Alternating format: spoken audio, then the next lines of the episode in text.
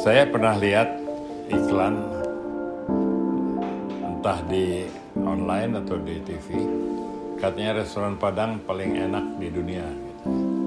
Agak lucu kan, tapi pikir-pikir bener tuh. Restoran Padang itu menurut saya terenak di dunia. Tapi saya belum pernah, nggak belum pernah ngecek di Bandung, di Padang, di mana nggak tahu. Pokoknya bagi saya itu terenak di dunia. Kemudian saya juga pernah lihat orang bule nulis di blognya, wah ini ada restoran Indonesia terenak di dunia. Dia bikin nasi goreng katanya di Amsterdam. Saya bilang hebat juga. Waktu saya ke Amsterdam, saya cari, tapi karena lupa nama restorannya, jadi masuk restoran lain. Minta di sini ada pisang goreng. Ya di mana-mana juga ada pisang goreng. Ya rupanya sangat populer. Lebih gampang daripada di Jakarta. Jakarta belum tentu ada, belum tentu ada nasi goreng. Kemarin Ocha cari nasi goreng nggak ada gitu ya. Di mana? Kalau sebut namanya nggak ya. Oh iya bener. Akhirnya nemu. Tapi kalau di Amsterdam tuh sangat gampang cari nasi goreng. Jadi kalau ada yang bilang ini nasi goreng terenak di dunia, di Amsterdam tuh sangat mungkin benar karena di Amsterdam lebih banyak uh, nasi goreng daripada di Jakarta. Begitu juga lamb curry, makanan India, lebih banyak di London daripada di New Delhi. New Delhi nggak tahu lah. Pokoknya kata orang India, London tuh tempat paling banyak restoran India. Orang Inggrisnya juga bilang, di sini kalau kita mau eat out itu orang, apalagi kita tinggal di desa di pinggir kota, dia perginya ke restoran India. Soalnya pasti enak.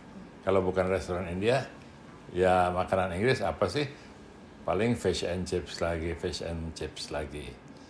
Atau apa, meat pie atau apa.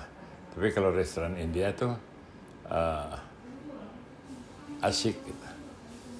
Dicoba di dekat sini ternyata restoran India yang enak tuh adanya di Singapura. Karena saya nggak pernah ke India. Eh pernah juga tapi cerita lain. Di uh, Singapura ada, kalau itu boleh sebut namanya, mutus curry gitu. Wah, enak itu, boleh itu. Tapi agak mahal. Mutus curry itu kalau aslinya dulu piringnya dari banana leaf ya, daun pisang. Terus orang lewat keliling bawa nasi, buah nasi biryani ya, dilempar ke piring kita nggak nanya apa-apa. Paling yang berikutnya nanya, dia bawa You want lamb curry? Oke. Okay. Dilempar lamb curry. You want vegetable? Ya, gitu. Jadi tiap orang tuh bawa uh, makanan sendiri, menu item sendiri. Hasilnya tuh enak.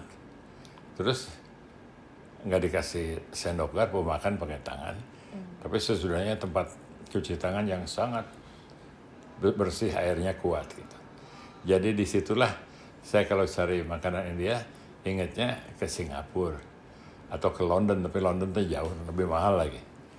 Tapi kalau orang Amerika sih yang seneng nasi goreng carinya ke Amsterdam bukan ke Jakarta. Itu bukan salah Menteri Pariwisata memang begitu aja perkembangannya. Kalau orang mau fish and chips itu sebetulnya di London jelas karena itu seperti makanan nasionalnya itu paling murah itu makanan mahasiswa di London. Uh, jadi dengan pengalaman itu saya jadi hobi untuk ngecek di mana sih pusat-pusat uh, makanan, tempat-tempat makanan yang enak di dunia ini. Jadi, jadi ternyata Jakarta sekarang tuh punya banyak. Kalau dulu Jakarta nggak ada apa-apa, cuma nasi uduk aja kali uh, zaman saya kecil mah restoran Cina aja nggak ada kan. Jadi kalau nasi uduk ada. Nah, tapi kalau sekarang sih mau nasi padang ada, mau makanan Prancis ada, mau makanan Brazil aja ada. Ada, cuman saya belum pernah ke situ. Nanti pendengar podcast bisa kasih tahu. Jadi uh, kalau wisata kuliner di Jakarta yang paling menarik sebetulnya coba eh coba cobain cobain makanan-makanan yang bukan makanan Indonesia. Saya mau coba gudeg ya enakan di Solo kali ya. nah jadi pengertian kuliner di Indonesia di Jakarta itu sudah internasional dan mewakili makanan di seluruh dunia. Dan ada beberapa jenis makanan yang ternyata di Jakarta tuh enak. Sini ada restoran. Suka lupa namanya tapi juga karena biar nggak mengiklankan kan. Ada restoran India yang enak sekali. Uh, sederhana aja nasi biryani terus pakai papedam pakai pakai nan gitu. Uh, enak sekali. Dan itu ada di Jakarta. Nah begitu juga kembali ke nasi padang memang paling enak tuh di Jakarta. Namanya mau tahu namanya? Boleh. Pati sore. Oh ya tuh ada tuh deket sini ya? Iya. Oh iya ada di ada di sini tapi saya belakangan jarang ke sana. Kalau anak-anak saya ke situ anak saya tuh paling senang. Hari itu kalau ke sini carinya nasi padang. Maunya tiap hari nasi padang. Nah kalau ke situ saya nggak bisa saya nggak diajak soalnya ribet saya tuh harus naik tangga. Mm -mm. susah kan? Bisa masuk dari dapur. Tapi itu didorong-dorong karena sama sama dengan supplier segala. Akhirnya dia tunggu di rumah aja dah kita bawain. Tidak tidak seenak makan di situ. Nah tahu-tahu ada yang nemu ada ini mau ada reuni hebat sekali nih reuni ini orangnya koordinatornya di Dubai ya. Oh. Terus yang ikutnya dari Paris. Satu lagi dari Amerika. Tanggal sekian kita akan makan nasi padang. Dia bilang di nasi padang. Sebenarnya yang di Jalan Cipetera ya.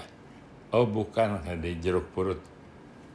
Mana ada di Jeruk Purut? Tahu lihat kasih apa Google Mapnya ternyata ada gitu.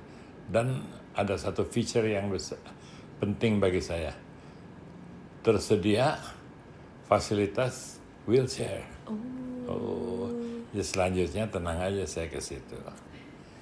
Nah di Jakarta itu jadi memang barangkali kalau nasi cari nasi goreng tidak selalu ada. Tapi kalau makanan-makanan yang internasional tuh sekarang justru ada di Jakarta. Jadi pengertian mari kita wisata kuliner di Jakarta itu sebetulnya uh, asal kita nggak terlalu miskin aja ya. sebetulnya banyak sekali pilihan dan itu sebetulnya saya kasih tahu aja itu mewakili international travel. Mm. Karena ada suasana kalau kita ke restoran Prancis mereka bikin suasananya itu seperti di Paris gitu. Mm -hmm. Terus jadi oh begini. Bahkan waktu teman-teman perusahaan saya itu mau jalan ke Eropa kira-kira uh, eh, 15 orang. Hmm. Saya bilang oke okay, saya traktir sebelum pergi. Satu kali kita makan siang di restoran Prancis sambil saya cerita soal Paris gitu kan. Biar kalau ke sana uh, nggak kaget. Pilih salah satu hidangan yang nanti bisa dipesan. Jadi sering. Waktu mau ke Bangkok juga gitu ada orang yang belum pernah ke Thailand. Waktu itu ada restoran Thailand yang bagus di Gandaria City. Ayo kita kumpul di sana jam 12. Kita coba makanan Thailand biar datang ke Bangkok tahu gitu. Mm. Jadi Jakarta tuh uh, memang banyak daya tariknya, tapi antara lain sudah kelihatan dia jadi kota kosmopolitan Eh, sehingga bisa mendapatkan hiburan yang sebetulnya bukan berkenaan dengan Jakarta tapi berkenaan dengan banyaknya ragam orang yang tinggal di Jakarta, keragaman Jakarta. Ngomong-ngomong, pernah mikir nggak kenapa kalau makanan Jepang terkenal, makanan Cina apalagi lagi, makanan Thailand oke, tapi makanan Filipina tidak. Jarang itu kita ke restoran cari makanan Filipina kan. Makanan Nepal kita nggak tahu kan. Iya. Makanan Kamboja kita nggak tahu. Oh iya jarang ya ada Jarang. makanan Kamboja. Tapi yang ada tuh makanan Jepang, makanan kalau makanan Amerika ya orang nggak tahu apa itu makanan Amerika. Apa coba makanan Amerika? Hamburger? It's not American. Oh. Itu sih namanya ya dari kota Hamburg. Gitu. Hamburg. Ya sekarang kalau Oh. ada hamburger, ada frankfurter. kalau frankfurter itu hot dog. Karena orang Amerika tuh dia bisa banyak hal tapi dia tidak terlalu kreatif dengan makanan. Makanan. Sebetulnya makanan Amerika itu ya jagung kali ya karena dulu jagung tuh hanya ada di Amerika. Beberapa makanan yang ditemukan di Amerika antara lain jagung, kentang, saya lupa lagi. Tapi itu kan ketemunya ketemunya di Amerika. Di, di Eropa tuh dulu Raja Prancis nggak pernah makan kentang karena nggak ada kentang. Kentang tuh adanya di Amerika. Rokok tuh adanya di Amerika. Oh. Jadi sejarah itu bisa dipelajari dari makanannya. Juga ilmu bumi. Nah, jadi pengertian kuliner itu memang eh, berkembang.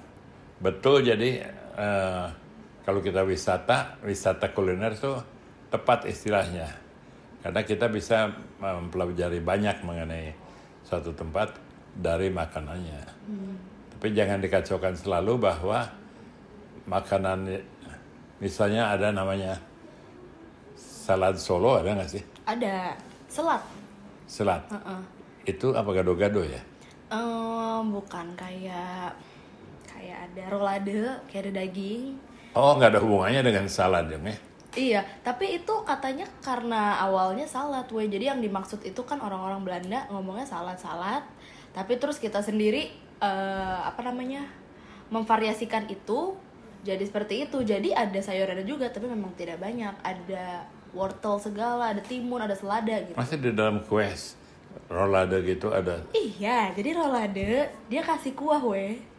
Ada kuahnya warna coklat. agak ngaco. nih. itu dibilangnya selat Solo. Dulu ada bilang ini Singapore salad apa nih? Ternyata gado-gado gitu.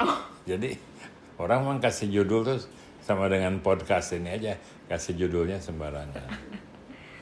Tapi anyway, Indonesia ini udah banyak jenis makan makanannya. Tambah lagi kalau di kota besar eh, makanan internasional tuh banyak. Saya pernah lama di Melbourne, lebih banyak di Jakarta kalau daripada di Melbourne itu makanan internasional. Variasi makanan Ya. internasional. Di Melbourne yang banyak memang makanan Thai, banyak Chinese, banyak. Tapi yang macam-macam kriwil-kriwil tuh nggak ada. Kenapa makanan dari negara-negara yang kurang penting itu nggak enak juga orang yang dibilang kurang penting. Ya yang kecil lah gitu tidak begitu dikenal. Makanan Jepang kita tahu, makanan eh, Cina kita tahu, makanan Korea kita baru tahu belakangan. Iya, iya. Itu ngikutin negaranya. Kalau negaranya superpower dan memang jago dalam masakan, Prancis semua orang tahu, Cina semua orang tahu. Jepang memang negaranya kuat dan makanannya kuat. Kalau Amerika negaranya kuat, Negaranya. tapi makanannya enggak. Jadi orang ngarang-ngarang aja apa itu makanan Amerika. Dikira itu hamburger, dikira itu steak ya. Padahal steak mah ya itu sapi aja dipotong. Oh, atau fried chicken, weh. Enggak, kan Kentucky. Fried chicken. itu miskin sekali ya. Oke, lanjut, weh. ya. itu adalah karena negara apa makanan itu menjadi terkenal eh, bersama dengan tadinya saya pikir kekuatan negaranya tapi sebenarnya PR negaranya. Ah, Mengapa di Melbourne banyak sekali restoran Thai Thai. tapi nggak ada restoran Indonesia? Bukan karena Thai itu lebih kuat, tapi PR-nya lebih kuat. Kalau orang bi- bicara Thai itu tahu terus ada tariannya, ada uh, airline-nya terkenal Thai International. Tapi kalau negara lain uh, nggak nggak nggak terkenal gitu. Jadi sebelum makanannya terkenal, negaranya harus terkenal dulu. Gitu. Itu saya rasa penjelasannya.